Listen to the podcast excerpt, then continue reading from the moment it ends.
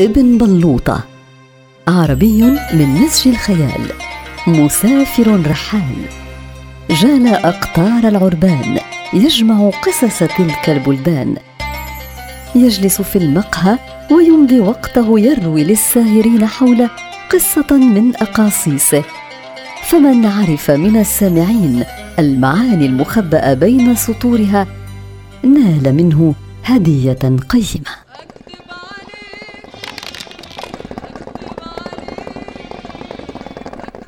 لقد تعبت من السهر وأريد العودة إلى البيت.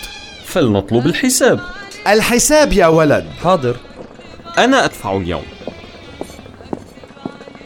تعال إلي بالحساب. مم. حسابك خاطئ يا ولد. لقد شربنا ستة كؤوس من الشاي. لكنني لا أرى سوى ثلاثة أمامكم. نعم لكننا شربنا ثلاثة قبل هذه. أعدها أمامكم. واحد لك وواحد للعم سلمان وواحد لابن بلوطة. مجموعها ثلاثة كؤوس من الشاي. وها هي أمامكم فارغة. اسمع يا صبي. يحكى أن رجلا دخل مطعما يريد أن يأكل.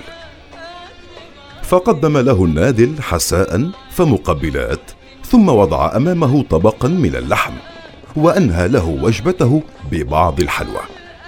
وحين انتهى من الأكل نادى النادل وطلب منه حساب مائدته فغاب النادل ثم عاد إليه ومعه ورقة تفصل حسابه.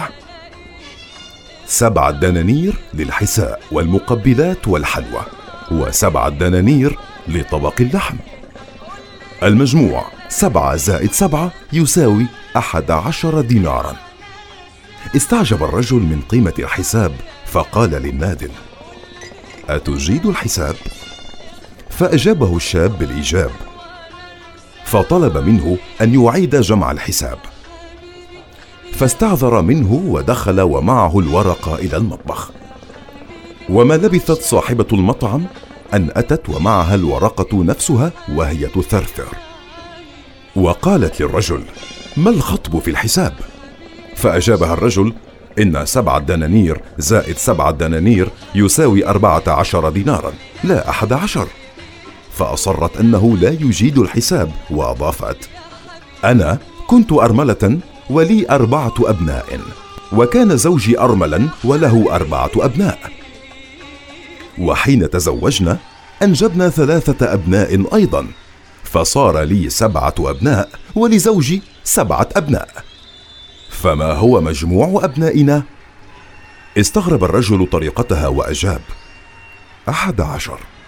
فتبعت المرأة وقالت إذا مجموع حساب سبعة وسبعة هو أحد عشر. فأرجو أن تسدد حسابك وترحل دون أن تزيد من متاعبي. وهكذا كان. سبحان من أرضى الناس بعقولها. خذ يا بني هذا ثمن ستة كؤوس من الشاي. ضعه عنا في الصندوق. هذا ما يستحقه صندوق المقهى منا. وخذ هذه لك.